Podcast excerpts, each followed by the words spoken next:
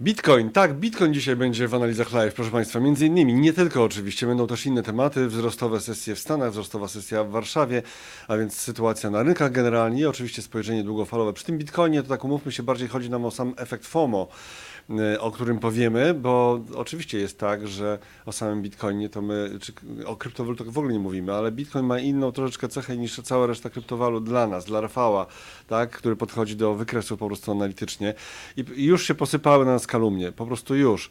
No i tutaj już, no, ale tego nie mogę, ktoś Jakie napisał... kalumnie? Kalumnie, kalumnie posypały się, co jeszcze można? Magda, po- podpowiedz, Magda, która z nami jest i bez której byśmy tutaj nic nie zrobili, podpowiedz, jakie jeszcze słowo? nie ludzie, to Synonim kalumnie. To nie ludzie, to wilki. Na przykład był taki tekst, tak, ci, którzy unikają tematu krypto, mają coś e, o nim do powiedzenia, to się nie może udać.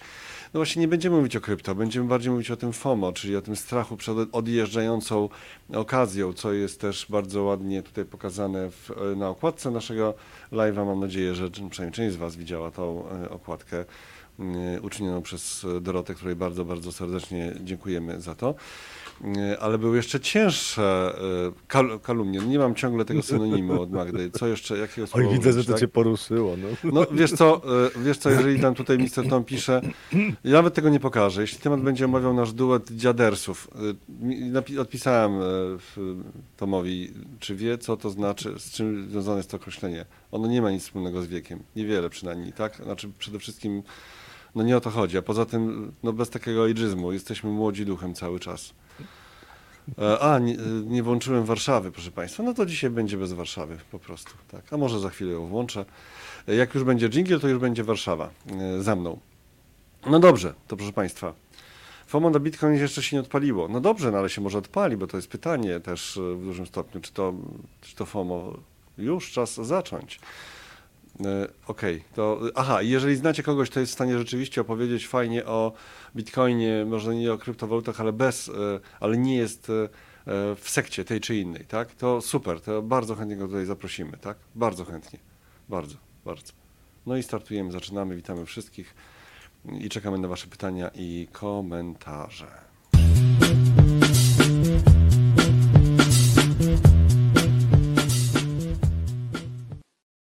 No i jest Warszawa, mówiłem, że będzie. Magik, po prostu magik. Spociłem się trochę.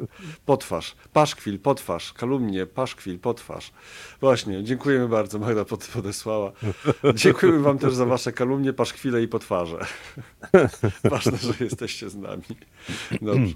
Okej, no ale najpierw zanim zajmiemy się tym, co y, tą jazdą na y, najważniejszej kryptowalucie, to oczywiście i efektom, i efektom, które mogą się z tym wiązać już za chwilę, bo tutaj nie jest jeszcze pewne, czy to FOMO wystartowało, tak jak e, TadeRP pisał, że się jeszcze nie odpaliło. No to proszę Państwa, spójrzmy na to, co dzieje się na polskim rynku akcji i tak sobie generalnie przejdziemy po różnych e, tematach. No wczoraj WIG20 był zaskakująco silny, prawie 2% wzrostu. E, Też e, sektor bankowy zachowywał się całkiem, e, całkiem przyzwoicie. Niektóre banki tam po 3-4% rosły. I to jest, można powiedzieć, że Stany Zjednoczone się zapatrzyły na WIG20, bo też Nasdaq na przykład prawie 1% wzrosty wczoraj. Całkiem niezła sesja.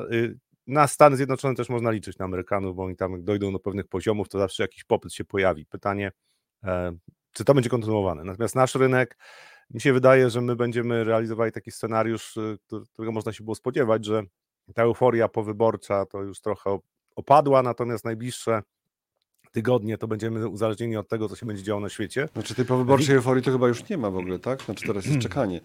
Okej, Teraz jest czekanie, no ale- to nie było Ale tak wczorajsza sesja na naszym rynku y, na WIG-20 no to jest jakby taka fala wtórna po tym, co się działo w, wcześniej, bezpośrednio po wyborach. I mm, patrząc na to, w jaki sposób tutaj e, rynek się zachowuje, to można powiedzieć, że rynek O, dzisiaj. Rafał, dzisiaj Rafał będzie jak Trabant trochę. Kto pamięta Trabanta? No dobrze, Trabant. ale to, to wol, zwolnij Rynek- trochę, zwolnij, wiesz, daj gardłu szansę.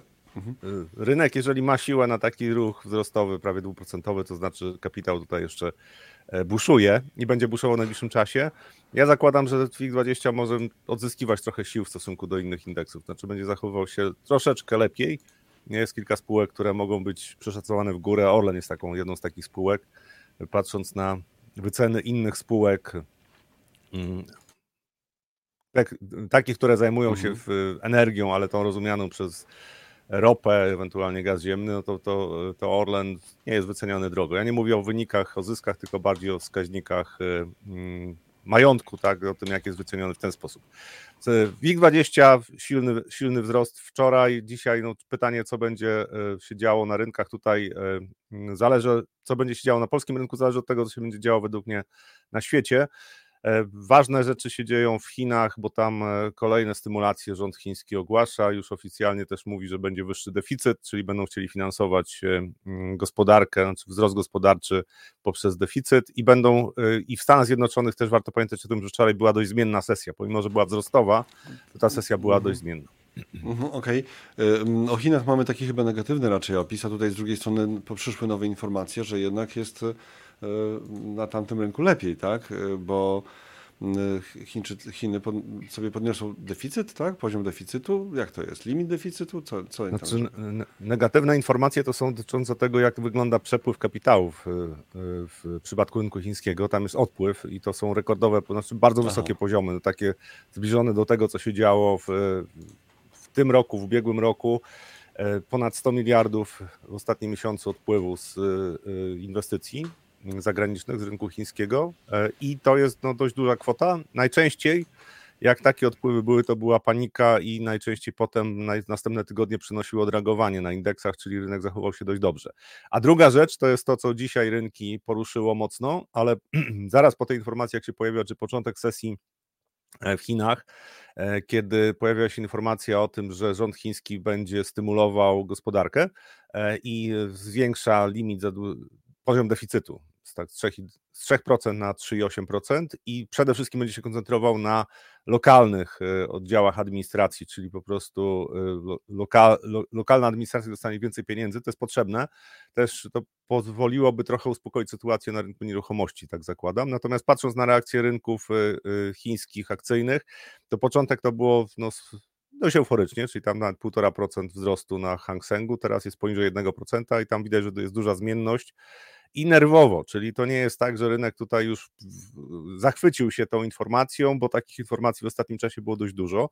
Natomiast ja bym zwracał uwagę na tą mieszankę dwóch rzeczy, czyli sentyment do rynku chińskiego jest bardzo słaby. Absolutnie nie mówię o tym, żeby tam inwestować, bo tam są jeszcze ryzyka polityczne, które mogą się ujawnić. Natomiast sama gospodarka, no to y, te zmiany, które nastąpiły w podejściu rządu chińskiego i banku, e, y, banku centralnego chińskiego, e, to jest coś, co według mnie będzie oddziaływało na gospodarkę. Też warto zwrócić uwagę, że prezydent Xi w, odwiedził e, chiński bank centralny po raz pierwszy w czasie swoje, swoich rządów. To też jest sygnałem, że ta akcja stymulowania gospodarki będzie Po raz skoordynowana. pierwszy? Po raz pierwszy? Tam No to ciekawa informacja. Banku chińskiego po raz pierwszy się wybrał. Co on się tak brzydził tego miejsca? Znaczy, podkreślam Nie, no- niezależność. A nie, podkreślam niezależność wcześniej, teraz już nie podkreśla Podkreś- niezależności. No tak Nie. w sumie rzeczywiście, no nie było nigdy takiej sytuacji, żeby na przykład premier, a że ja nie pamiętam, żeby premier e, odwiedzał, Polski na przykład odwiedzał NBP, czy na przykład... No wiadomo, czy, że czy Polski Bank na przykład. Na, Narodowy nasz jest niezależny całkowicie. Już, to ja tutaj nie, nie wchodźmy w, te, w to bagienko, nie wchodźmy. A kto zaczął? Dobra, jedźmy No dalej. dobra. E, Ale ja, ja bym zwrócił uwagę właśnie na to, że e, zły sentyment do rynku chińskiego potwierdzony danymi gospodarczymi, bo te dane były rozczarowujące przez pierwszą połowę roku, natomiast od lipca mniej więcej zaczęło się faktycznie coś dziać. I to jest jeden z e, m, takich elementów dość optymistycznych według mnie, e, jeżeli mówimy o prognozach dla gospodarki światowej, bo to jest najważniejsze. Sam rynek chiński, jak się będzie zachowywał, to jest dodatek. W tej chwili większość inwestorów ma świadomość tego, że Chiny to nie jest e, równoważne z resztą rynków wschodzących, że tu, tam są inne ryzyka e, geopolityczne znacznie silniejsze niż na przykład dla polskiego rynku mm, mm, akcyjnego. E, Natomiast jest to coś, co w, jeżeli mówimy o stymulacji fiskalnej i monetarnej, to jest coś, co pozwoli gospodarce światowej na miękkie lądowanie. Według mnie tutaj są większe szanse na to właśnie, że dzięki Chinom e, nawet spowolnienie gospodarcze w Unii Europejskiej i w Stanach Zjednoczonych nie będzie aż tak dotkliwe, bo znowu, znowu może się okazać, że jesteśmy trochę, w, te gospodarki są w przeciwfazie, czyli chińska gospodarka będzie e, powyżej 4% rosła w przyszłym roku, a ewentualnie te spowolnienie w Stanach Zjednoczonych, które nie wiadomo jak głębokie będzie, ale prawdopodobnie będzie, może właśnie spotkać się z lepszą koniunkturą w Azji, bo Chiny to też lepsza koniunktura w Azji, no i Unia Europejska, która ewidentnie zmierza w stronę niezbyt głębokiej, ale recesji, no to jest coś, co y, też warto brać pod uwagę i też tutaj y, lepsza koniunktura w Chinach pozwoli uniknąć jakiegoś bardzo negatywnego scenariusza. Więc tutaj jest kilka informacji z Chin, które, na które warto zwrócić uwagę. Na razie rynki nie przyjęły tego bardzo euforycznie. E, natomiast jest to informacja, według mnie, jedna z kolejnych informacji, która powinna w pewnym momencie zaprocentować tym, że Chiny będą trochę łaskawiej E, postrzeganej przez inwestorów. Natomiast warto pamiętać o tym, że jest jeszcze konflikt na Bliskim Wschodzie. Ale zostańmy przy Chinach. Tak, tak, tak, tak, tak, tak, ale już wyeksploatujmy te Chiny, żeby do tego nie, nie e, wracać.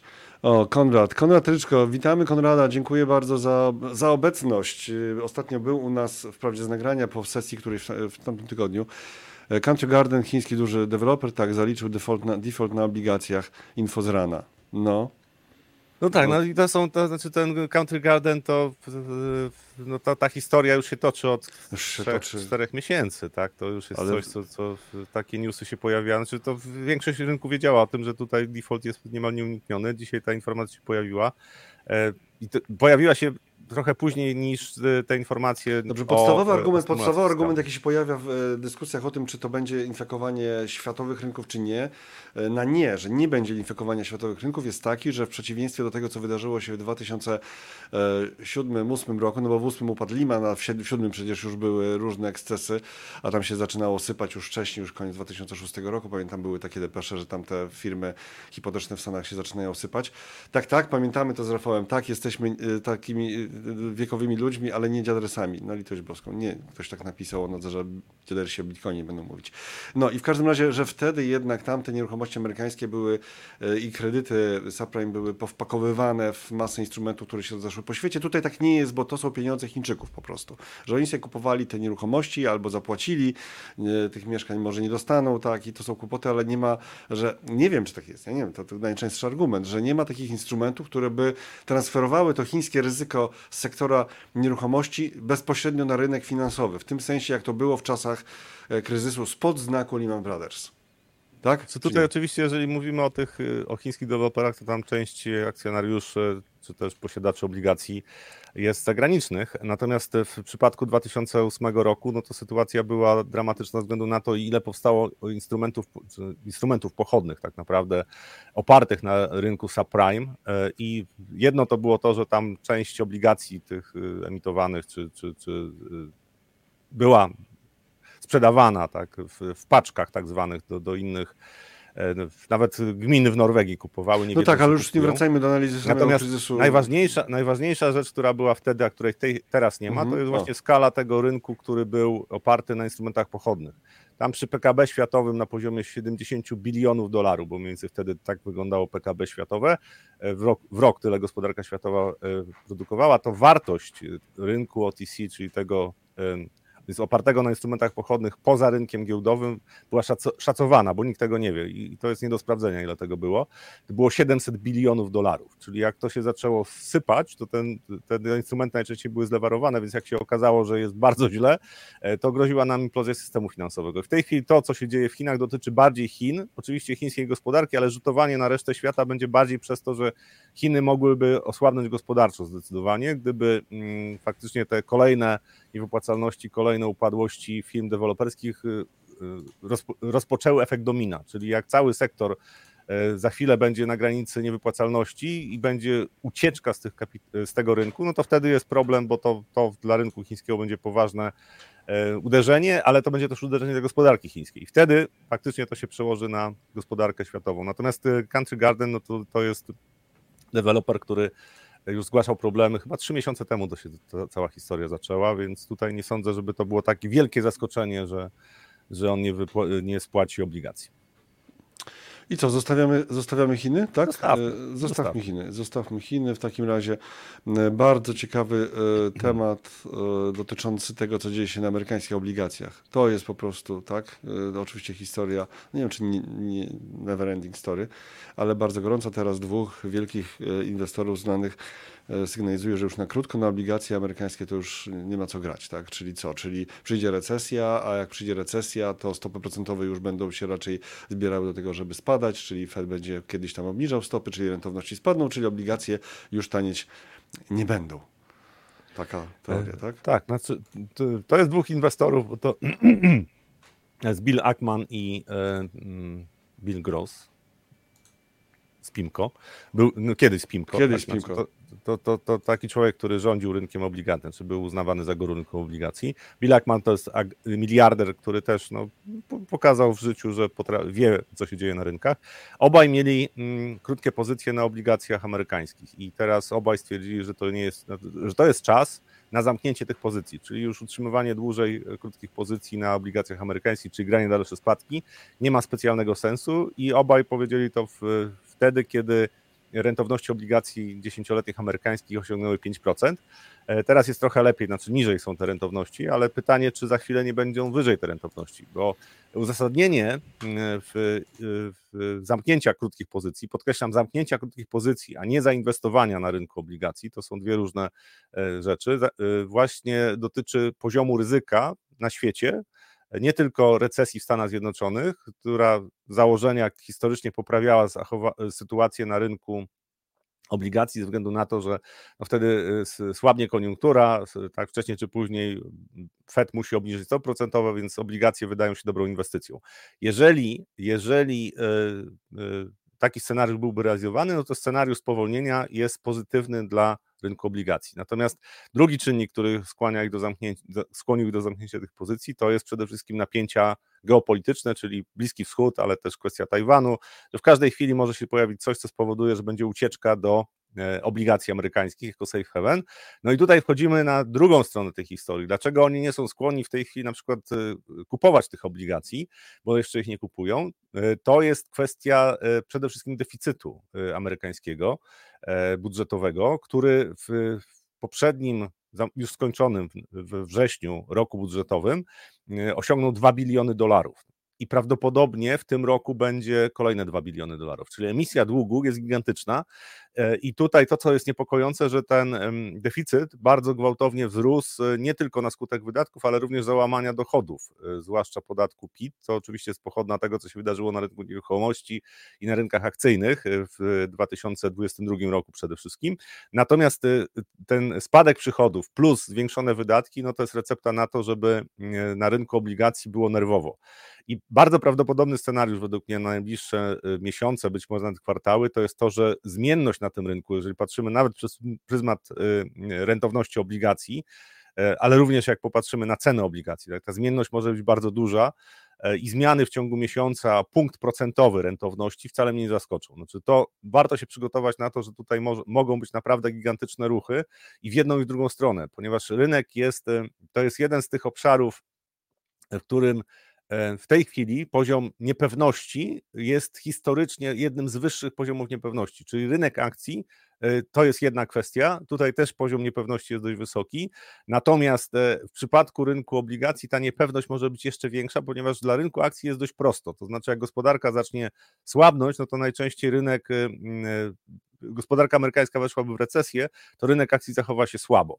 Jeżeli będzie miękkie lądowanie, no to rynek akcji zachowa się dobrze. W przypadku rynku y, długu, to recesja może się okazać wcale nie tak dobrym scenariuszem dla rynku obligacji skarbowych, ponieważ jeżeli w tej chwili poziom deficytu e, fiskalnego to jest już tam 7%, tak? no 2 biliony do 27 bilionów, no to to jest gigantyczna kwota e, i procentowo również do PKB. I jeżeli taki, taka tendencja by się utrzymała w najbliższych miesiącach, e, a gospodarka zaczęłaby spowalniać, czyli dochody budżetowe jeszcze zaczną spadać, no to za chwilę tam jest 10%, e, e, możliwe 10% deficytu do PKB.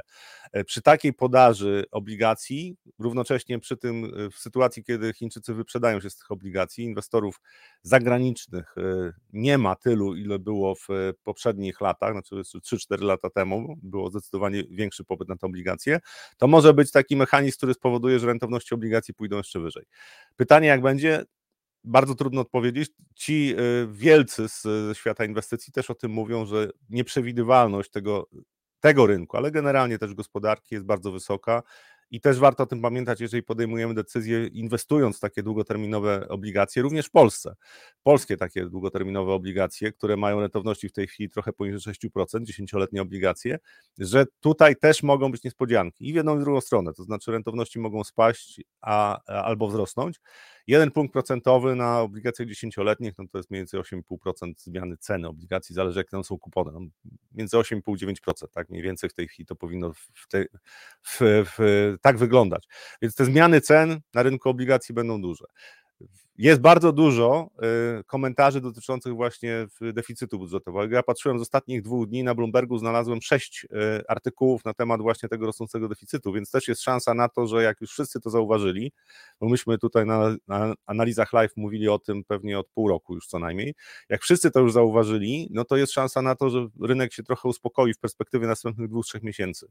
Y, miesiąca, dwóch, trzech miesięcy. Dlaczego? Bo wiele tych informacji zostało skontowanych, czyli jak pojawią się kolejne jakieś negatywne negatywne informacje, nie, na przykład rząd amerykański będzie jeszcze więcej długu emitował, no to być może w, wtedy będzie dalszy, dalsza wyprzedaż obligacji. Jakby się okazało, że inflacja rośnie szybko ponownie, no to też jest negatywny scenariusz dla rynku obligacji.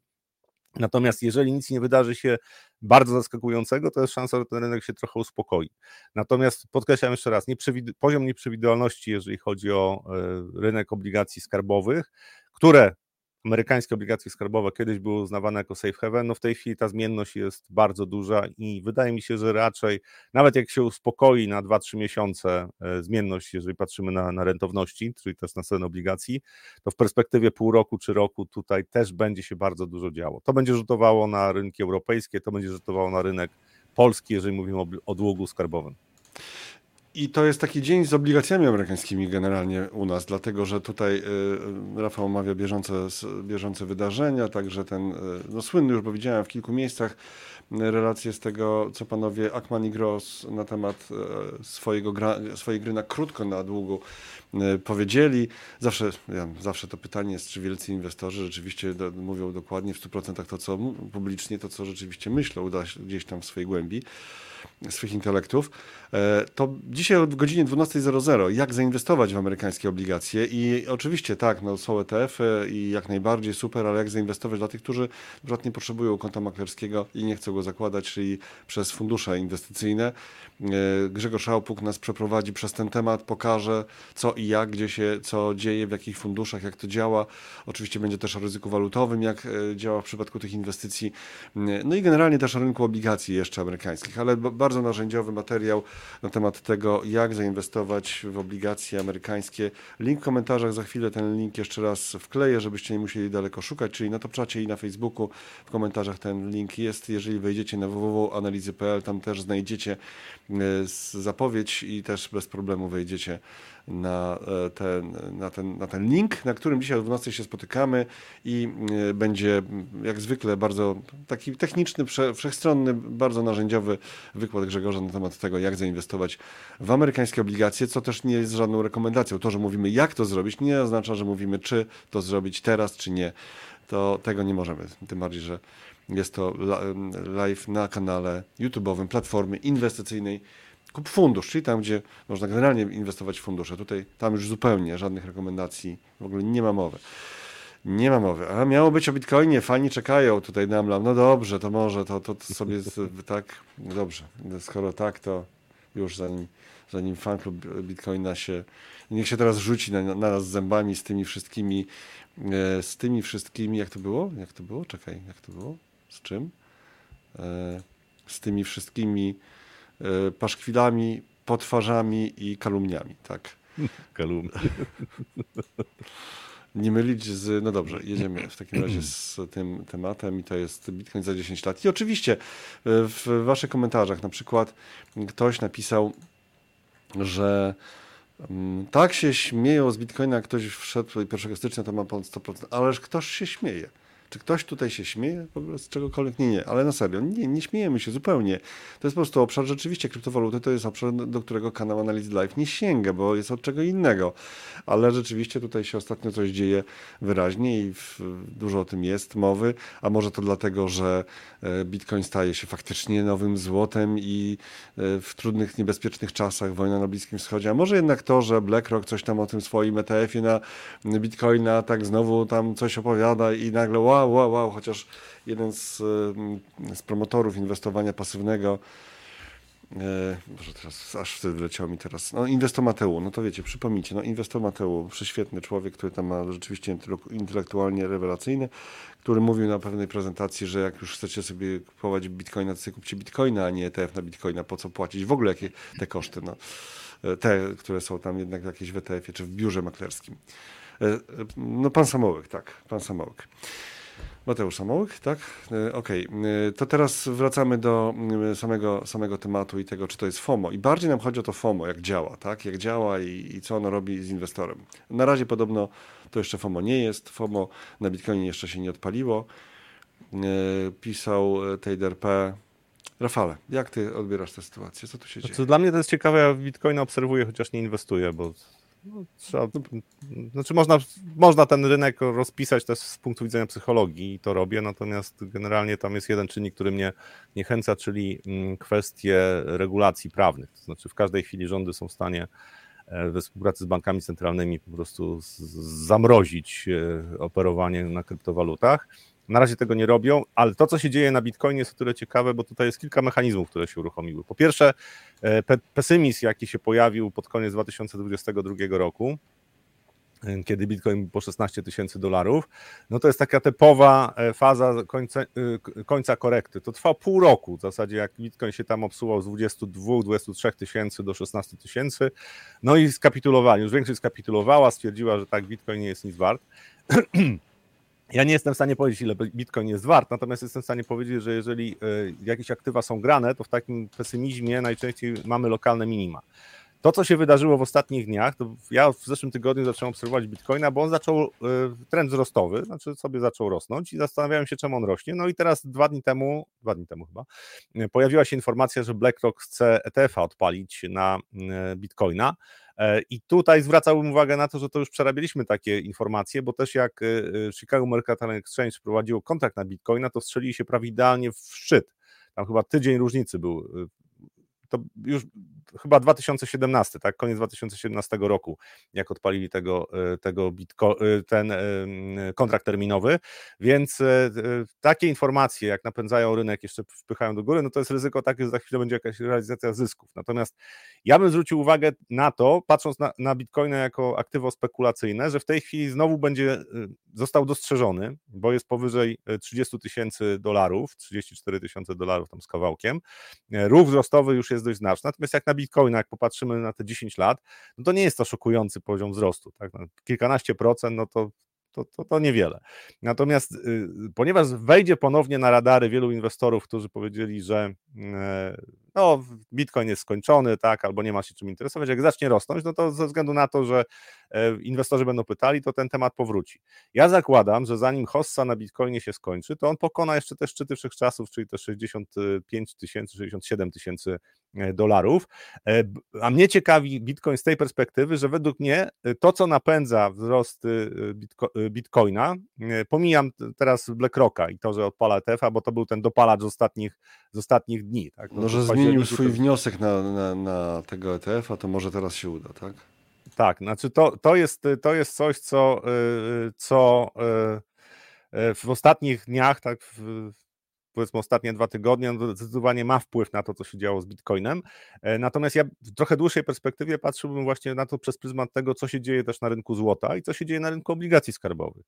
Bo to według mnie są, y, nigdy nie jest tak, to też podkreślam, że jeden czynnik decyduje o zachowaniu jakiejś klasy aktywów, natomiast jeżeli popatrzymy, co się dzieje na rynku obligacji w ostatnich latach y, i zwłaszcza w tym roku widać to, znaczy inwestorzy zaczęli dostrzegać, że obligacje skarbowe nie są tak bezpieczne, jak jeszcze się wydawało parę lat temu, e, kapitał gdzieś musi popłynąć. I według mnie my jesteśmy na etapie, w którym kapitał będzie płynął w najbliższych latach. To nie jest kwestia tych, tego miesiąca czy następnego.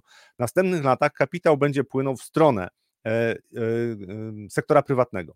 Instrumentów, które mają jakąś wartość niezwiązaną z tym, co robi rząd. Bitcoin można dyskutować, ile on jest wart, natomiast patrząc z punktu widzenia przepływu kapitału, według mnie trend wzrostowy w perspektywie roku, czy półtora, czy dwóch może się utrzymywać, tylko warto pamiętać, że tam korekty mogą być rzędu 30%. Mnie bardzo ciekawi e, zachowanie bitcoina, ze względu na to, że mam w portfelu tak, górników złota, trochę, trochę kontraktów na złoto, czyli tak, fundusz, który ma też kontrakty na złoto. I mnie bardzo interesuje Bitcoin z tej perspektywy właśnie postrzegania ryzyka i ucieczki kapitałów do czegoś, co nie jest związane z, e, z, rząda, z rządami. Zaufanie do rządów będzie spadało i to będzie się działo w następnych e, latach również, e, ponieważ no, działania rządów od 2020 roku pokazały, że tak naprawdę tam nie ma zbyt wielu specjalistów, którzy wiedzą, co trzeba robić, zwłaszcza w sytuacjach kryzysowych, a równocześnie mamy to, co w tej chwili w Stanach Zjednoczonych, czyli ten poziom zadłużenia. Politycy uważają, że po prostu bezkarnie można się zadłużać w dowolnym stopniu i to jest coś, co będzie rzutowało stopniowo, będzie się zmieniała perspektywa, jeżeli mówimy o rynku długu skarbowego.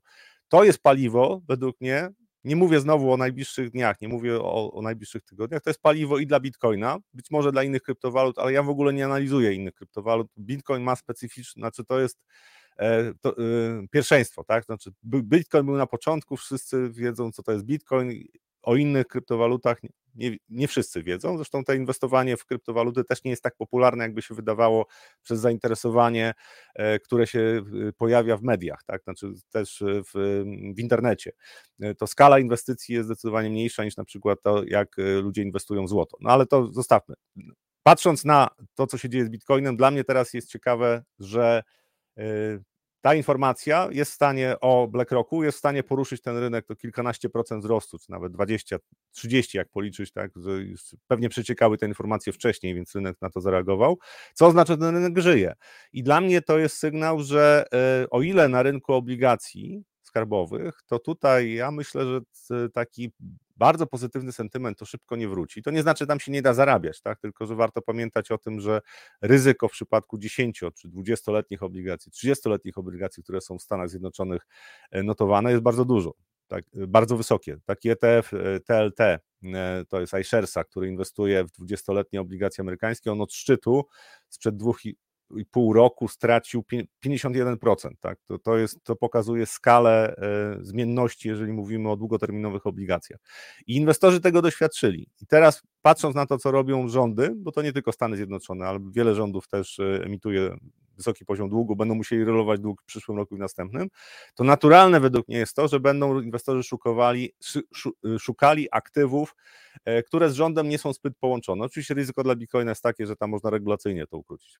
Robert przed chwilą pokazał iSharesa właśnie, jak y, widziałem, tak 50% e, wykres pokazuje, jakie straty cofnęliśmy się, jeżeli chodzi o stopy zwrotne, czy jest poziom sprzed dziś, ponad 10 lat, czyli dekada inwestowania w takie w dług, obligacje, bo tak pędzisz, pędzisz, pędzisz, pokazałem iShares, ale to jest iShares na obligacje amerykańskie, bo to Tak, to jest ten iShares, który inwestuje w obligacje ponad 20-letnie, czyli to jest iShares, e, obligacje skarbowe 20+, plus, czyli tam E, terminy zapadalności tych obligacji są ponad 20 e, lat, duration około 16, jak ostatnio patrzyłem, e, czyli 1 punkt procentowy zmiany rentowności w portfelu to jest 16% zmiany cen obligacji. I tu widać, co się wydarzyło od 2020 roku. To jest jedna z rzeczy, która będzie rzutowała, to tak jak zakładam, że to będzie tak jak w Bessa 2008 roku na misiach w Polsce, przynajmniej przez kilka lat bardzo mocno rzutowała na to, co się wydarzyło na mm, co się działo na polskiej giełdzie, to znaczy inwestorzy o tym pamiętali, to taka trauma była. E, I y, na rynku obligacji amerykańskich tych długoterminowych może być podobnie. To znaczy, jeżeli zmienność będzie się utrzymana na wysokim poziomie i y, te rentowności szybko nie spadną, a według mnie nie spadną, to znaczy one mogą fluktuować na tych poziomach, na których jesteśmy, czyli te powiedzmy w okolicach 5% możemy zejść przejściowo na 4%, natomiast sytuacja jest na, według mnie na tyle niestabilna, jeżeli chodzi o gospodarkę amerykańską i poziom wydatków, że tutaj będzie problem, e, to jeżeli e, będzie zniechęcenie do tego, do tego segmentu, to inwestorzy powiedzą, no dobrze, to mogę kupować bitcoina, mogę kupować złoto, tam jest porównywalna zmienność jak długoterminowych, na długoterminowych obligacjach, dlaczego, dlaczego tego nie spróbować? To jest według mnie coś, i to mówię z punktu widzenia inwestora, który jest y, inwestorem długoterminowym, to znaczy nie, nie spekuluje, nie, nie, nie, nie szukam takich okazji na 2-3 dni, żeby coś zarobić, tylko patrzę bardziej na tendencje, które się rozwijają. Według mnie to, czym będziemy żyli w następnych latach, to jest stopniowy spadek zaufania do rządów, co za tym idzie również do emisji długu rządowego. Nie mówię o krótkoterminowych papierach, bo tutaj raczej problemów nie będzie, ale na długoterminowych papierach skarbowych ta zmienność będzie według mnie się utrzymywała e, i w tym roku, do końca roku, i w przyszłym roku, i pewnie w 2025 również. Mhm.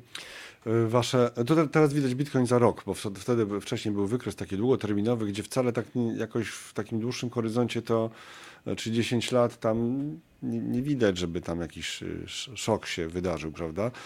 No właśnie, to wiesz, w porównaniu tak. do tego, co było przedtem, to też jest iluzja wykresów, bo w zależności, jeżeli mam takie aktywo, które ma taką zmienność, tam ze 100 dolarów, tak, w 2014, bo był taki moment, e, zawędrowaliśmy na 67 tysięcy dolarów, to teraz y, y, takie ruchy no, wydają się nieznaczne w porównaniu z tym, co się działo wcześniej. Natomiast jeżeli popatrzymy za rok, no to z 16 tysięcy na 34 to już zaczyna być interesujące. No i właśnie, teraz wróćmy do tego FOMO. Czy to jest już FOMO, czyli fear of missing out, czyli ta nerwówka, że okazja znika, czy jeszcze nie? E, Taylor pisał wcześniej, ja pokazywałem już ten komentarz, teraz do niego wracam, że FOMO na Bitcoinie się jeszcze nie odpaliło. E, I czy się odpaliło na Bitcoinie, czy nie, to jeden temat, ale ważniejszy nawet temat, czym jest, e, takie wątki, takie wątki edukacyjne, części z was, części z was to w ogóle aż nawet nie śmiem myśleć, żeby w ogóle uczyć, tak, absolutnie. Ale mam nadzieję, że są tutaj też z nami osoby, e, które dopiero wchodzą do świata inwestycji.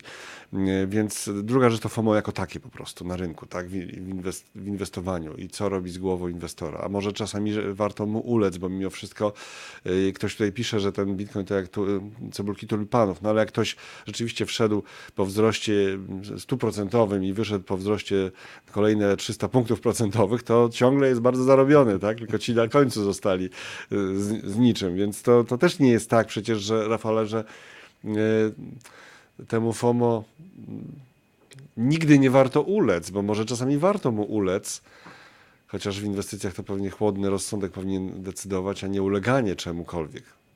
Z, z punktu widzenia spekulacji, spekulanta, który się przyłącza do ruchu wzrostowego, to podłączenie się do FOMO jest całkiem sensowną strategią. Znaczy z założeniem takim, że E, przyjmuję jakieś tam poziomy stop lossów i wychodzę w momencie, jak rynek zachowa się wbrew moim oczekiwaniom. Bardzo dużo wzrostów w poprzedniej dekadzie na rynku akcji w Stanach Zjednoczonych było oparte na FOMO, e, czyli e, wielu inwestorów cały czas uważało, że rynek amerykański jest za drogi, mieli niedoważenie rynku amerykańskiego w portfelach, a rynek szedł w górę, notował kolejne szczyty. I dla mnie sygnałem, sygnałem na to, e, tego, że zaczyna być FOMO na poziomie niebezpiecznym, było to, kiedy już ci, którzy cały czas nie doważali rynek amerykański, zmieniali nastawienie. To były takie sygnały, że o, za chwilę coś się może wydarzyć niepokojącego. Według mnie w tej chwili, na, e, znaczy inna sytuacja jest trochę na rynku akcji, również obligacji, bo te rynki są bardziej benchmarkowe, czyli jest bardziej, jest więcej między innymi ETF-ów, które E, które mają indeksy e, i e, jak tam jest napływ kapitału, to po prostu no, jest napływ kapitału. Też jeżeli patrzymy na większość portfeli, tak, na hedge fundów, tak, ale takich portfeli zarządzanych bardziej aktywnie, to tam też podejmują decyzje, główne decyzje dotyczą tego, ile mam obligacji i jakich, czy krótkoterminowe długoterminowe i jaki mam poziom akcji. Natomiast Bitcoin jest bardziej taką niszową klasą aktywów i dla większości większej części świata inwestycji to nie jest kluczowe, więc tutaj to FOMO będzie wyglądało trochę inaczej. E, ale też e, jak będzie, jak będzie, mm, będą kontynuowane wzrosty, to zakładam, że w pewnym momencie to FOMO się pojawi, czyli po prostu e, świat inwestycji zacznie tym żyć. To te, przy, jak się zbliżaliśmy do, do szczytów dwa lata temu, jak się zbliżaliśmy do szczytu w 2017 roku, to tam ewidentnie już było FOMO, widać było, że wielu, wielu E, klientów domów maklerskich też e, e, i banków inwestycyjnych też miał pretensje, że nie wzięli udziału w takiej hoście i wtedy rynek się rozgrzewa, zaczyna rosnąć już wykładniczo. Takie typowo FOMO to jest wtedy, kiedy rynek naprawdę zaczyna przyspieszać i widać, że jest zmiana alokacji, po prostu doważają się ci, którzy byli niedoważeni. Według mnie, tu się zgadzam z komentarzem naszego widza, że to jeszcze nie jest takie FOMO, takie w czystej postaci, według mnie to jest raczej zagranie spekul... Na Bitcoinie, na Bitcoinie, tak? Na Bitcoinie, na Bitcoinie, tak, ale ja bym już teraz chciał w ogóle o samym zjawisku, wiesz, i o tym, co się dzieje w głowie inwestora. Tu już wspomniałeś o tym, że dla spekulanta to nie jest e, zły pomysł, bo często podłączanie się pod taki krótkoterminowy nawet trend, pod warunkiem, że ten spekulant rzeczywiście jest spekulantem i faktycznie wie jak to robić i y, ma też strategię bardzo jasno określoną, wie kiedy wejść, kiedy wyjść i tak dalej, tak? Ale y, tak w tym kierunku. Co tu jeszcze tak. można powiedzieć o tym, co to robi, a w sytuacji nieprofesjonalnej, no bo zakładam, że jeżeli ktoś jest inwestor, jest spekulantem, no to jest tam już jakiś element e, profesjonalizmu, nawet jeżeli jest e, osobą prywatną po prostu. A co w sytuacji osób, które są początkującymi zupełnie inwestorami, to kiedy, jak na to patrzeć, wiesz, jak diagnozować, że o właśnie FOMO mnie złapało, bo często jest tak, że łapiemy tą okazję, kiedy ona już po prostu odjeżdża w drugą stronę, tak? Kierowanie no tak, tym znaczy to, to jest w ogóle życie spekulanta jest bardzo bolesne emocjonalnie, bo tam są dwa rodzaje e, bólu, które się pojawiają. Jeden to jest wtedy, kiedy tracę pieniądze, a drugi jest wtedy, kiedy widzę, że była szansa na zarobienie pieniędzy, więc zawsze boli.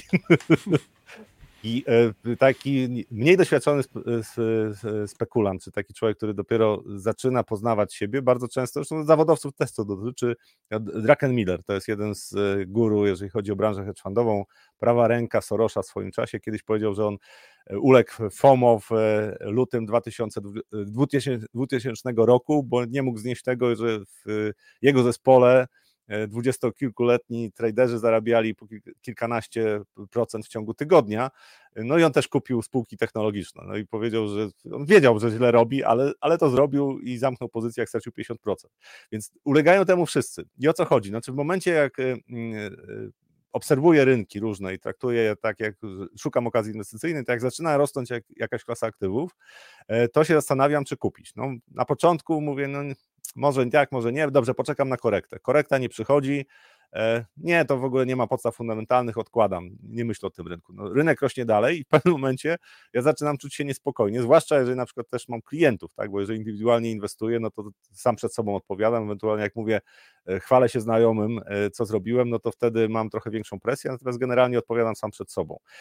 Łatwiej jest sobie z tym poradzić. Jak mam jeszcze klientów, no to wtedy jest tak, no czemu tego nie kupiłeś? No i w pewnym momencie Znowu, to czekanie na korektę nie przynosi efektów, więc w pewnym momencie taki zarządzający funduszem, przyjmijmy, mówię teraz o, o zarządzającym funduszu, funduszem, który może zmieniać alokację na przykład na rynku akcji, e, e, patrzy na te wzrosty i mówi, no nie, no za chwilę mnie wyrzucą z pracy, klienci tutaj narzekają, muszę się doważyć. I jest taki moment na rynkach, widać dość często to się powtarza, że jest takie przyspieszenie wzrostu, znaczy większość tych, którzy byli negatywnie nastawiona do rynku, w pewnym momencie zaczyna się doważać.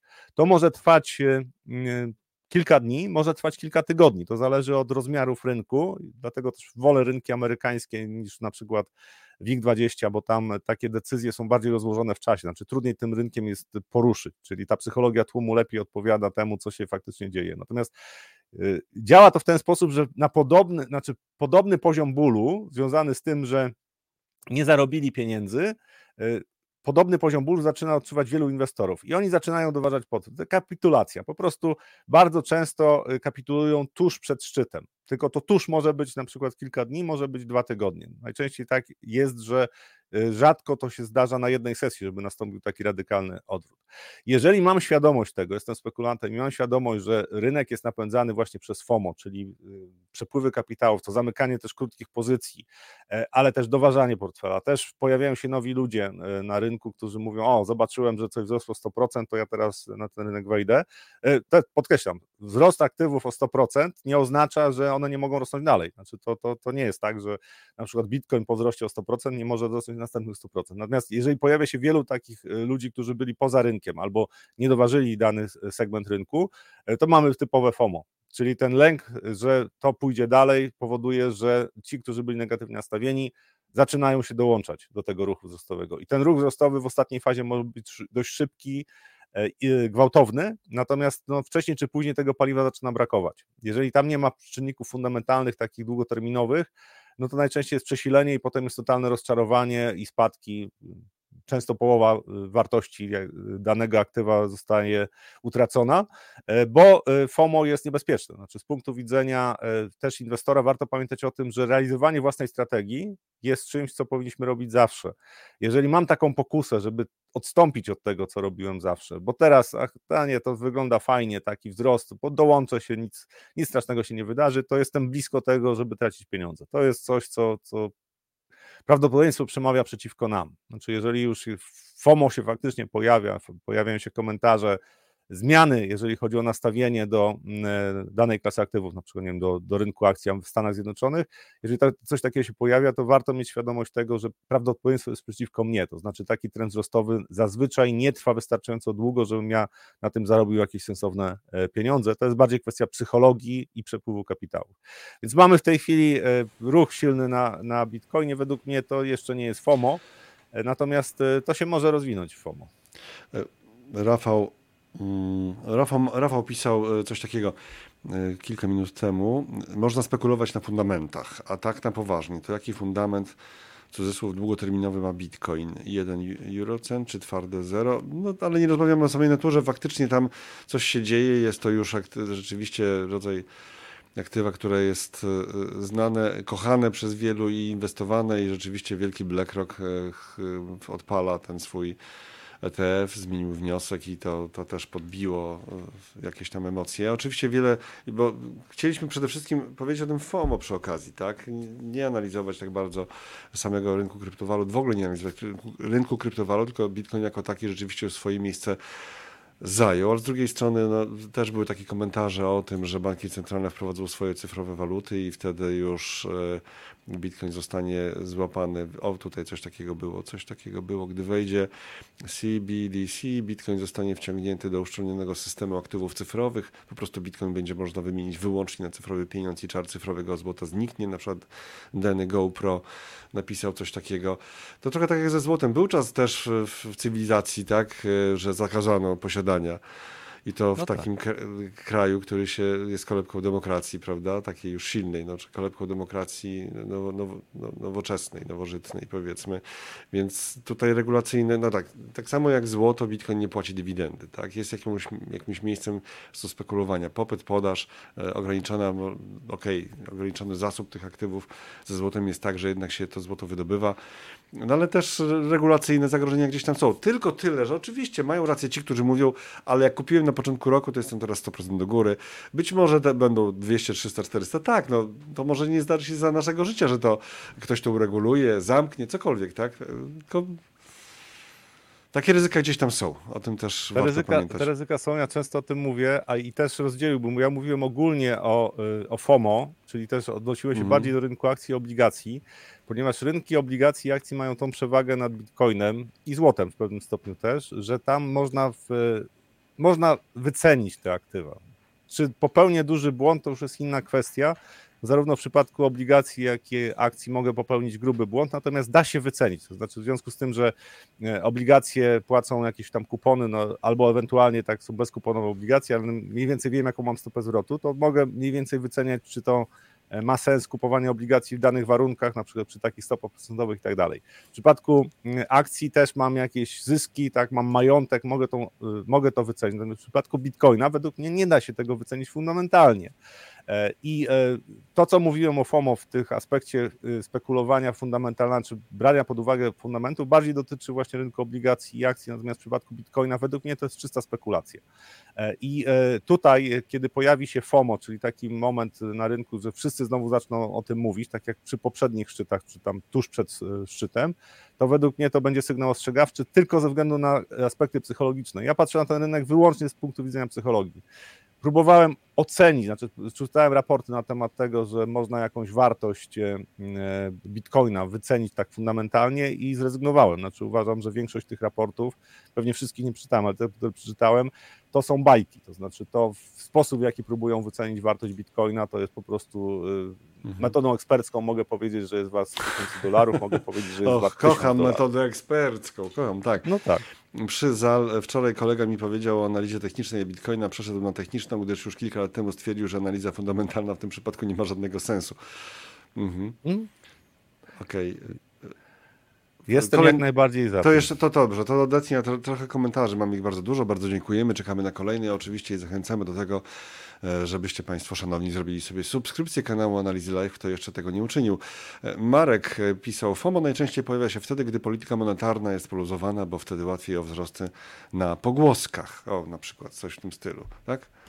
Znaczy tak, znaczy to jest kwestia ilości pieniądza. Natomiast ja jeszcze raz y, y, w zasadzie ten temat FOMO na Bitcoinie pojawił się też w kontekście tego, co się w tej chwili dzieje na obligacjach. Ja bym zwrócił uwagę na to, że to, że mm, Bitcoin y, od- odzyskuje, odzyskał zainteresowanie, tak jak trwałe, to już jest inna kwestia. Że złoto też odbiło się tam z 1830, jesteśmy bliżej 2000 dolarów za uncję, to według mnie to nie jest przypadek, w sytuacji, kiedy tak naprawdę mamy jednak zacieśnianie polityki monetarnej. Tak? To, to, to jest coś, co e, wielu e, też naszych e, widzów komentowało, że w takiej sytuacji, no to takie aktywa jak złoto, to ono się powinno przecenić, że bitcoin to w zasadzie, no, jeżeli spekulacja, to też zabraknie tego tak zwanego pustego pieniądza, czy gorącego pieniądza. Ale jesteśmy w takich realiach gospodarczych, kiedy naprawdę to, co robią politycy z zadłużaniem się, emitowaniem długu, to jest coś, co prowadzi do dużych zmian, jeżeli chodzi o postrzeganie ryzyka inwestycji. Według mnie to jest dopiero proces, y, ten proces się rozpoczął. To nie znaczy, że rynek obligacji, że ja prognozuję, że rynek obligacji skarbowych się załamie, ale to oznacza, że będą, y, będą bardzo zaskakujące ruchy, jeżeli chodzi o różne klasy aktywów. I, y, i dotyczy, według mnie to dotyczy to zarówno złota, dotyczy to w ogóle metali szlachetnych, surowców strategicznych, dotyczy to akcji, dotyczy to obligacji. Słuchaj, żebyśmy nie mieli kogoś na sumieniu. Alicja pisze, czuję, że dopada mnie FOMO na Bitcoinie. Tutaj jakaś literówka, ale potem poprawia. To, to, nie, to przez nas nie, nie, nie, nie o to nam chodziło. Nie, nie o to nam chodziło, zupełnie, zupełnie. Mm, e, To jeszcze tak, e, warto wspomnieć, że zbierze się halving Bitcoina. E, Jan pisze, tak, to jakaś tam ważna rzecz, te słynne halvingi. E, Dobrze, ale proszę Państwa, my już nie będziemy analizować, nie będziemy chodzić w halvingi na Bitcoinie, to zupełnie już nie, nie, nie tutaj. A tutaj ktoś pisał kiedyś, zaraz, zaraz, zaraz, fajny komentarz był właśnie w związku z tym.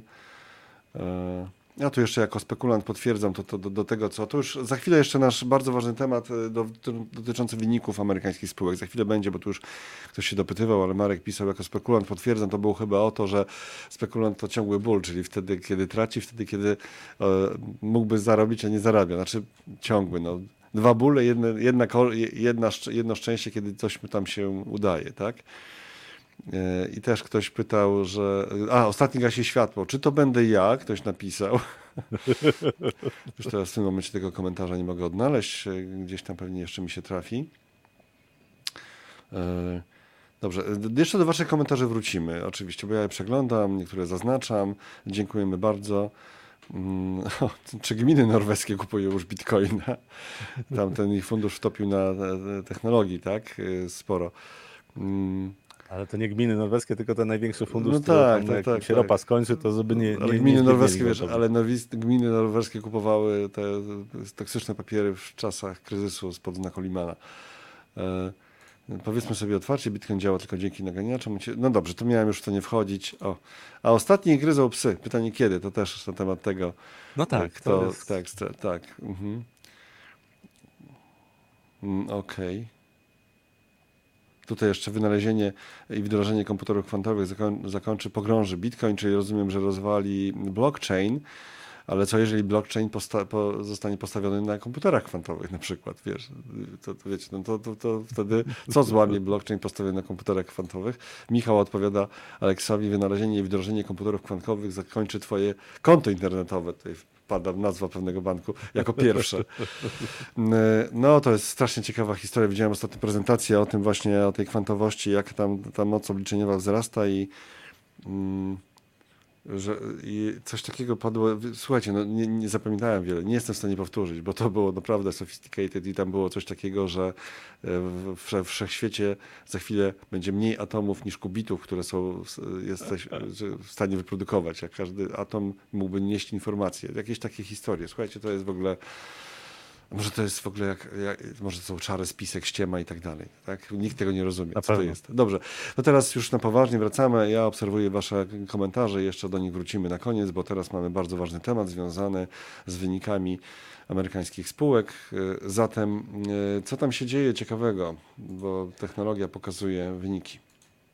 Jesteśmy w sezonie wyników. One trochę są w tle tego, co się dzieje w, w geopolityce, też tego, jak rząd e, amerykański się zadłuża. Natomiast wczoraj Alphabet e, podawał, podał wyniki i tutaj bardzo ciekawa reakcja. To było po sesji, więc e, nie widać było tej reakcji na, na sesji. Natomiast po sesji było widać, też kontrakty na Nasdaq zareagowały, natomiast Alphabet spadł 5%, pomimo tego, że pokonał prognozy nieznacznie, ale pokonał i wzrost przychodów to był prawie 11%.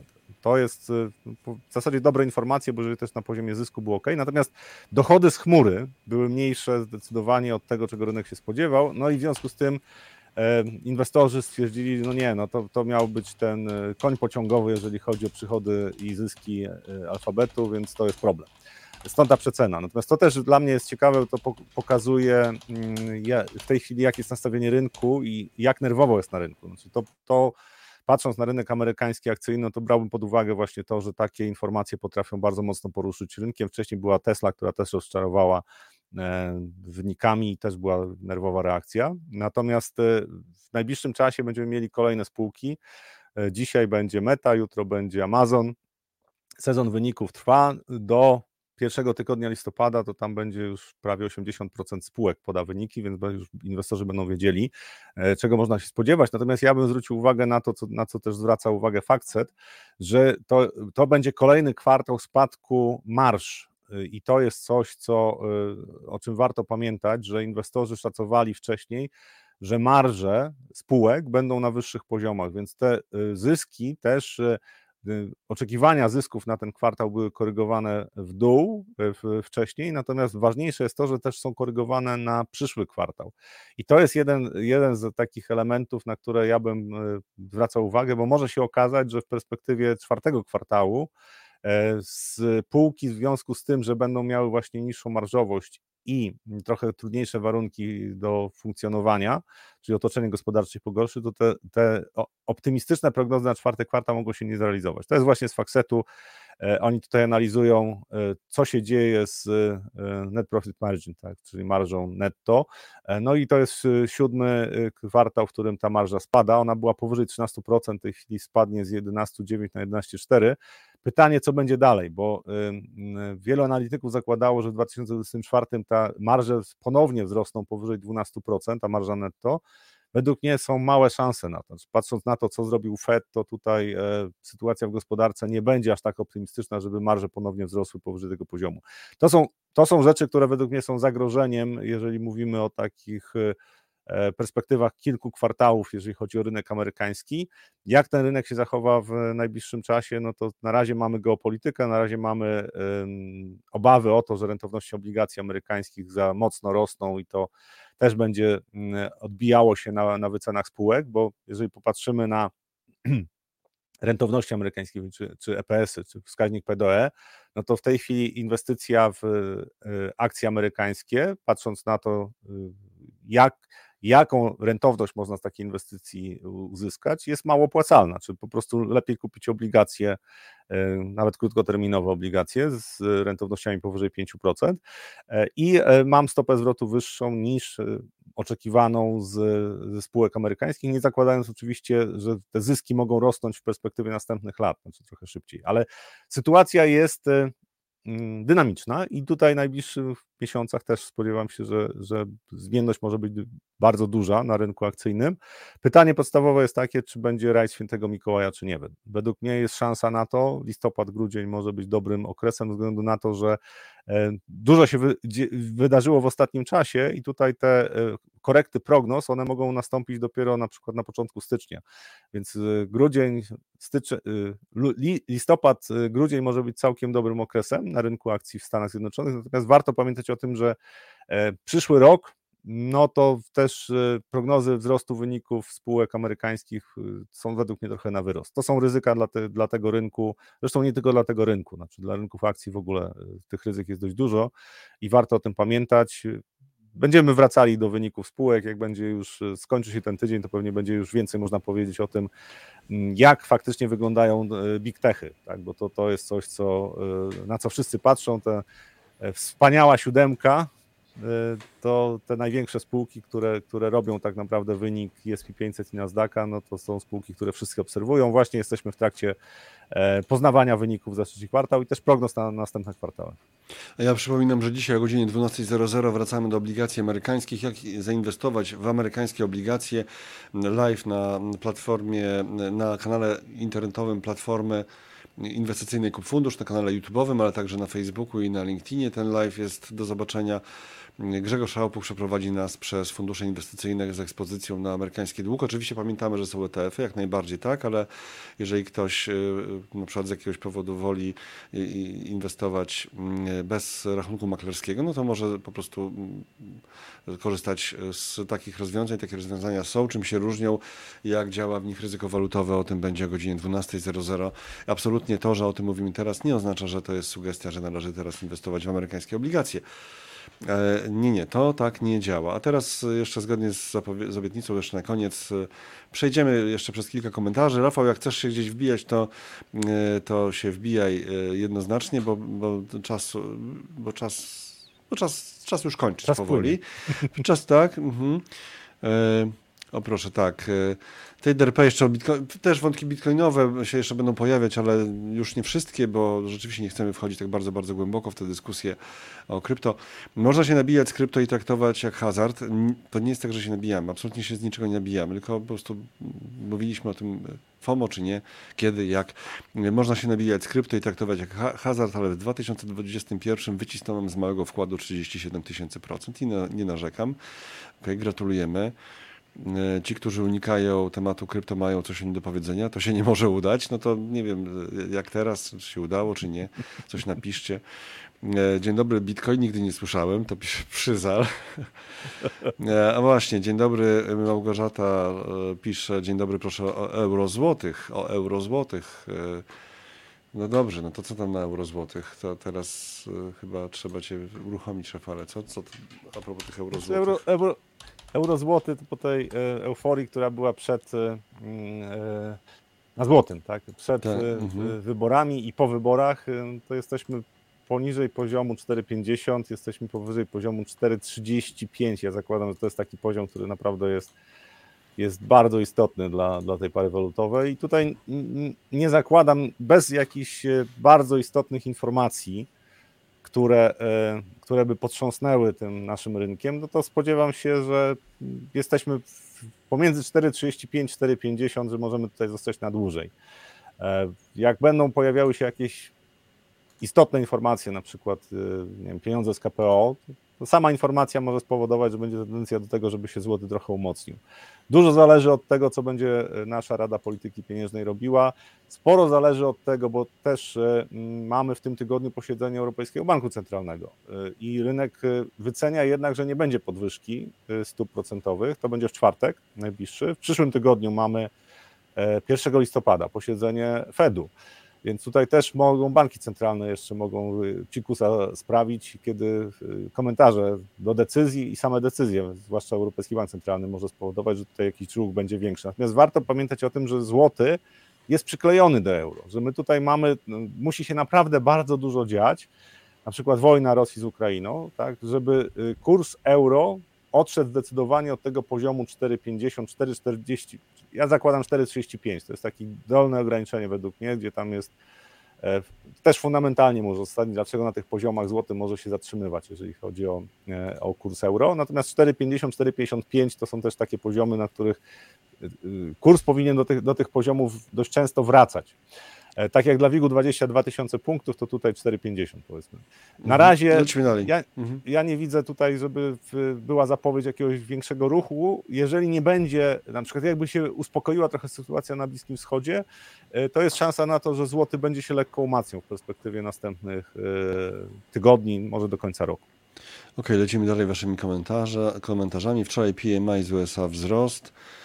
E, kawiarenka dusz, całe życie oszczędzasz, a później nie wiesz, gdzie te grosiki schować, żeby ich nie stracić. No tak, Najpierw problem zdobyć kasę, potem zainwestować. No, samo się nie zrobi, rzeczywiście. Ktoś kiedyś taki przykład podawał, że jak ludzie sobie kupują telewizor, to przeglądają tygodniami czasami różne zestawienia, różne analizy robią, tak, te, taki system, taki jak samochód, to podobnie, a jak inwestują, to po prostu budu. Ktoś tam powiedział, jest FOMO i ładujemy wszystko, słynny Ambergold na przykład, tak? Bez tam jakiegoś, no bo no jednak przeglądanie tych wykresów i myślenie jest mało, tam się pętla dopaminowa nie, nie uruchamia, a przy oglądaniu telewizorów różnych to po prostu... Dobrze, Mr. Tom, jego opinia w internetach to Bitcoin jest potęgą, tak jak Konfederacja na wyborach wychodzi prawdziwy obraz rynku. A mieliśmy nie wchodzić w politykę. Politykę. No nie, no, to, to nie tam troszeczkę żartem. E, Wojciech pisze coś takiego, obligacje są zabezpieczone przyszłymi wpływami podatkowymi, więc czy jest jakiś wskaźnik typu PDE dla akcji, typu PDE dla akcji, który wycenia zdolność do spłaty długu rządowych, rządowych w czasie? Spłaty długu rządowych w czasie. Czyli jak masz PDE, hmm, to tak... Długów rządowych czy długów spółek? Bo nie, rządowych, znaczy... że nie, że obligacje, obligacje skarbowe, tak? mhm. to, że jest cokolwiek, bundy i tak dalej, tak? Czy jest jakiś wskaźnik PDE, czy jest jakiś wskaźnik, no y, ratingi po prostu. No, ratingi chyba, są, tak. No ratingi są, no tak. Znaczy to w, w firmy ratingowe i tam w zależności od tego, jak, y, jak wysoko jest y, Oczywiście jest, cały czas mamy nadzieję, że po, wtopie, że po wtopie wielkiego kryzysu finansowego sprzed tylu, tylu już lat, kiedy były instrumenty finansowe, czyli te subprime'owe, gdzie były popakowane E, czyli tam brzydkie, śmierdzące rzeczy były zapakowane w kolorowe papierki. Te kolorowe papierki miały najwyższe e, ratingi i były te w wielkich skrzyniach i kontenerach rozsyłane te, opakowa- te kolorowe papierki z zawartością toksyczną, śmierdzącą, brudną, zgniłą na świat. To mamy nadzieję, że już tak się teraz nie robi, aczkolwiek jeżeli chodzi o dług skarbowy skarbów państwa, no to tak nie, tam się nie, nie, raczej nie zapakować czegoś tak w środek. Więc jak ktoś ma E, najwyższy rating inwestycyjny, no to, to, to, na tym się po prostu opieramy, tak? No nie ma innego chyba. A coraz mniej tych Stan... krajów, które mają tak. najwyższy rating inwestycyjny. No tak, tak. E, mm, mi się zdaje, że e, aktualnie przy ryzykach globalnych kapitał płynie do materaców, cudzysłów, to Piotr pisze. Jednak jak się pojawi odwilż, to może być ciekawie, ludzie będą chcieli szybko zarobić. Mhm. No tak, to no, znowu. To nawet widać, to dwa słowa, nawet widać Dobra. po wycenach e, rynków akcyjnych, tak, że one poza Stanami nie są zbyt wygórowane i to, to widać, że tutaj mhm. jest, jest spory poziom lęku. Mhm. Wojciech, do Mister Toma gdzieś tam pisał, już nie pamiętam do którego komentarza, ale w takim razie e, lecimy. To samo jak oglądasz menu restauracji na stronce, a potem jest rozczarowanie, jak z Konfederacją, Bitcoinem i tak co, to są tylko wrażenia. Tylko wrażenia. A tutaj mamy bardzo ważne, mm, bardzo ważne pytanie od Tomasza. Już z 9.27, czyli sporo czas, czasu minęło. Panie Rafale, ale te problemy dotyczą także polskich obligacji detalicznych, na przykład EDO, bo mówiliśmy o rynku obligacji. Obligacje skarbowe nie, co innego. Obligacje skarbowe, obligacje e, skarbowe detaliczne, a obligacje, w które inwestują fundusze dłużne, to co pokazujemy na wykresach, to jest co innego. Tak? Tutaj na EDO to nie ma czegoś takiego, że te obligacje na rynku stanieją i my stracimy. Tak? No, trzymamy do wykupu, ewentualnie przedstawimy do wykupu wcześniej, płacąc tam te 70 groszy od e, obligacji chyba, tak? Jakoś tak to leci. No, no i tyle, tak? No i tyle. Czy się znaczy, mylę? To jest różnica. No i tyle, czy się mylę? Znaczy w momencie, kiedy na przykład rząd miałby duży problem, żeby pozyskać finansowanie, E, no to po prostu może być tak, że będzie miał problem, żeby też zachęcić indywidualnych inwestorów. Natomiast tutaj nie ma Ale tego Ja już ryzyka. mówię o sytuacji, że ktoś ma tak. to EDO. Tak, tak, że to ktoś ma to EDO. No to e, nie. Tak. Znaczy to, to tutaj to, to, co się dzieje na długoterminowych obligacjach, które są notowane, to nie dotyczy właśnie tych detalicznych. Czyli tam to ryzyko, e, ono nie jest odzwierciedlone ceną. Posiadam taką obligację, dostaję odsetki, potem mam ją wykupioną. Natomiast mm. to, co się dzieje w tej chwili na, na rynku, czyli te długoterminowe obligacje, no to właśnie one reagują na to, czyli e, jednym z sygnałów, że, że inwestorzy się niepokoją, jest to, że rentowności tych obligacji rosną i wtedy, jak już mam takie obligacje, to ja widzę, że ich ceny spadają. I, I, to jest zupełnie inny segment rynku. Znaczy, to jest e, inaczej trzeba do tego podchodzić i, i, inwestowanie w obligacje detaliczne tutaj w Polsce według mnie jest dość bezpieczną strategią i e, nie zobaczę strat, tak? Z tego tytułu. No tak, bo oczywiście w ujęciu y, mówimy pomijając inflację, no bo nie każda obligacja. No tak. Znaczy w pierwszym roku to w obecnej inflacji raczej nie da się chy- y, tam obronić, chyba że ten rok najbliższy będzie miał spadek inflacji wyraźny, tak, no bo tam te rentowności tam ym, prawie 7, ponad 7 lekko, nie rentowności, znowu przychodzę, ten oprezentowanie tych obligacji, tak, to jeżeli inflacja by gwałtownie spadała jednak, no to już, już te kupowane teraz y, wyjdą ponad inflację. Co tutaj jeszcze? Co tutaj jeszcze? Co tutaj jeszcze mamy od Was? Też od Bitcoin już nie będę, wybaczcie, wrzucał komentarzy mm, bitcoinowych. E, Dużo ich było. Mm, No dobrze, chyba to. A tutaj Polska ma sprzedać w roku 2024 obligacji za 420 miliardów. Kto to kupi? Jak to? Pan? Pan? Pani? nie, wbrew pozorom zupełnie serio, to Polska nie jest w jakiejś tragicznej sytuacji, jeżeli chodzi o możliwość plasowania emisji, więc tutaj też... e, Znaczy też, ja, tak, w ogóle rzeczywiście, że stan finansów, polityczna narracja jest taka, tak sobie rozchulana. Ja naprawdę mam nadzieję, że e, dotychczasowa opozycja jakoś tak e, zejdzie też na ziemię i nie będzie e, powtarzała narracji TVP e, poprzedniej, tak, obecnej TVP, tego co tam się mówi. No Znaczy- bo wiesz, wybuch, wy, wybuchł wielki skandal. Faktycznie to było no, nie okej, że Ministerstwo Finansów pokazało e, sprawozdanie z wykonania budżetu, no pośliznęło się delikatnie, tak? Pośliznęło się i pokazało po wyborach i tam te 30 parę miliardów defi, y, deficytu, tak? No zaraz, come on, w planie budżetowym jest 90, tam około 90 miliardów na ten rok, tak? Ale oczywiście masę mediów podawało te 30 parę miliardów bez żadnego odniesienia, że w planie, e, w budżecie na ten rok, po nowelizacji oczywiście jest 90 miliardów. Oczywiście tak, no, Ignacy, z Ignacym Morawskim o tym ostatnio rozmawialiśmy i 4,3% deficytu do PKB, deficytu finansów publicznych do PKB to jest dużo. To jest dużo, jest tak? dużo. To jest za dużo, to jest za dużo. Bywało więcej w Polsce w ciągu ostatnich 20 lat. ja bym to ujął tak, że nie ale jest... a e, wiesz, ale robienie tego dymu po prostu, tak, no wiadomo, że to jest ciągle ta polityczna, niech się ten rząd już ukonstytuuje, niech już zacznie działać i wtedy już naprawdę po prostu mam nadzieję, że te deklaracje, które padają, e, zostaną zrealizowane i też nie będziemy ludziom, biednym ludziom robić, znaczy biednym, no w tym sensie, sorry, może nieładne określenie, będziemy robić ludziom wody w, mózgu, z mózgu, czy tam mieszać w głowach, no bo to jest po prostu ja wiem, jak to działa. Wiem, że nie można tłumaczyć. Materiał ma 2 minuty 40 sekund albo 2 minuty 30 sekund. Nie ma miejsca na wytłumaczenie, że, że PKB nie podaje się nominalnie, tylko jako procent do e, dług publiczny, jako procent do PKB, a nie tam, że bilion, półtora biliona czy dwa biliony. No to Niemcy w tym sytuacji z ich długiem publicznym to w ogóle jest jakiś e, Zimbabwe e, i to w ogóle jest potęgą przy nich pewnie, przy ich długu pu- publicznym liczonym nominalnie. No, nie, nie liczę na to, że w materiałach e, telewizyjnych, wielkich telewizji pojawią się takie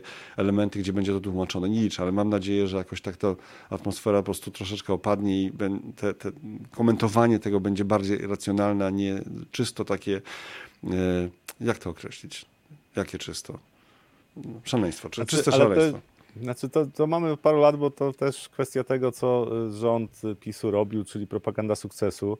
E, I odpowiedź opozycji, kiedy tam zarzuty się pojawiają, że jeszcze nie ma środków z KPO. Ja nie chcę wchodzić w politykę, tylko po prostu Mhm. z punktu widzenia inwestora, to ja bym prosił tak, żeby przyjąć taką optykę, że nie jest tak dobrze, jak mówi obecny rząd i nie jest tak źle, jak mówi y, opozycja, prawdopodobnie przyszły rząd. Że prawda leży po środku. Znaczy nie jest rewelacyjnie, natomiast nie jest katastrofalnie. Znaczy nam nie grozi katastrofa finansów publicznych, że po prostu za chwilę nikt nie będzie chciał kupować polskiego długu. Mało prawdopodobne. Pytanie, czy rentowności nie wzrosną, zwłaszcza tych długoterminowych obligacji, to jest inne pytanie. Natomiast póki co, y, to patrząc na to, jak funkcjonuje polska gospodarka, to jeszcze spokojnie sobie możemy z tym poradzić. Natomiast wyzwania będą. I to, co y, Moraw, y, Ignacy Morawski powiedział, po 4,5% y, y, deficytu do PKB albo 5% albo więcej, to już jest naprawdę dużo. Znaczy to jest coś, co podobnie jak w Stanach Zjednoczonych, Jerome Powell ostatnio powiedział, jak był w klubie ekonomicznym, że jego poziom zadłużenia nie, nie martwi, ale tempo wzrostu deficytu tak. I w Polsce jest podobnie. To znaczy, jak politycy nie opamiętają się, nie, nie ograniczą deficytu, a to będzie trudne, bez względu na to, kto będzie rządził, to wtedy wyzwania się pojawią prawdopodobnie za 2-3 lata dość poważne, łączne z tym, że może być tak, że w 2025 będziemy mieli procedurę nadmiernego deficytu i to już będzie też e, spory problem. Drodzy Państwo, ważne informacje. Dzisiaj o 12 się spotykamy na live na kanale YouTube'owym Platformy Inwestycyjnej kupfundusz.pl. Będzie o tym, jak zainwestować w amerykańskie obligacje w funduszach inwestycyjnych. Oczywiście, tak, tak, pamiętamy, są ETF-y, są ETF-y, są ETF-y, ale są ETF-y, są fundusze inwestycyjne, gdzie za nabycie tych, to warto, warto przypominać, nie ma, nie ma opłaty upfrontowej, bo ciągle ludzie naprawdę, ja się zderzam z tym, że ludzie nie wiedzą o tym, że jak się kupuje fundusz inwestycyjny w internetach, na przykład właśnie na kupfundusz.pl, ale nie tylko oczywiście, to nie ma tej opłaty wstępnej. Ona w dokumentach ciągle widnieje jako możliwa do pobierania i pewnie też jest, jest w Polsce jeszcze też dystrybucja, która pobiera tę opłatę i jak ktoś bardzo się uprze, to znajdzie, ale nie, to, to nie jest tak, że 5% trzeba zapłacić, żeby sobie kupić jednostkę jednostkę uczestnictwa otwartego funduszu inwestycyjnego. I E, to będzie o 12 o tych amerykańskich obligacjach, a jeszcze bardzo ważna informacja, napatrzcie się proszę Państwa, to jest Rafał Bogusławski i będzie w poniedziałek dopiero teraz. Ale mnie zaskoczył. Rafał Bogusławski w poniedziałek, może ja to wrzucę na jakąś belkę, żeby to było, tak? W poniedziałek, ponieważ we wtorek, we wtorek, w ponieważ w piątek mamy y, troszeczkę inny układ. W piątek będzie mm, Mariusz Godziński z Mount TFI. Będzie też Monika Kurtek, ekonomistka z, i będzie Jagoda Fryc, słuchajcie. Będzie Jagoda Fryc też, po prostu będzie kompo, ale bez Rafała. To już, już nie musicie na mnie patrzeć. nie, zaraz. Rafał, czekaj, ja to napiszę. Rafał y, na żywo teraz, Rafał na żywo w poniedziałek. Który to będzie poniedziałek? Wszystko się dzieje na waszych oczach, tak? Wszystko się dzieje.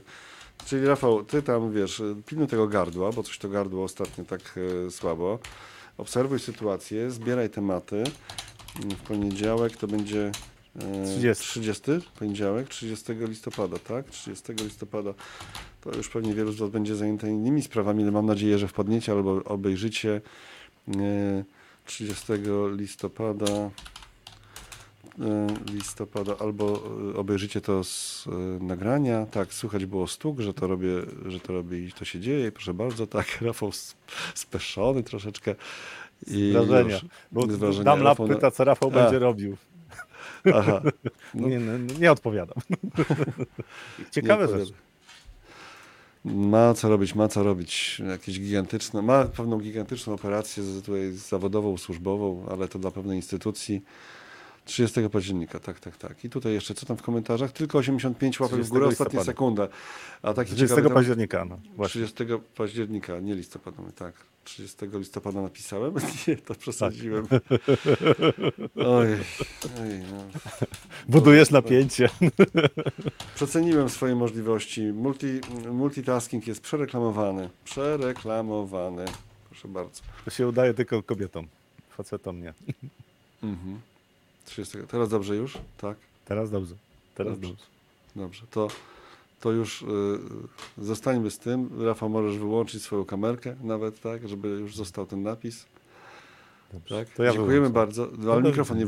Dziękujemy bardzo. Rafał Bogusławski, Robert Stonilewicz, Analizy Live 25. A tu jeszcze zostało. Co zostało? Nie, to wrzucę cię jednak. Został jeszcze Kup Fundusz Live. Do zobaczenia. Drodzy Państwo, dziękujemy bardzo i do zobaczenia.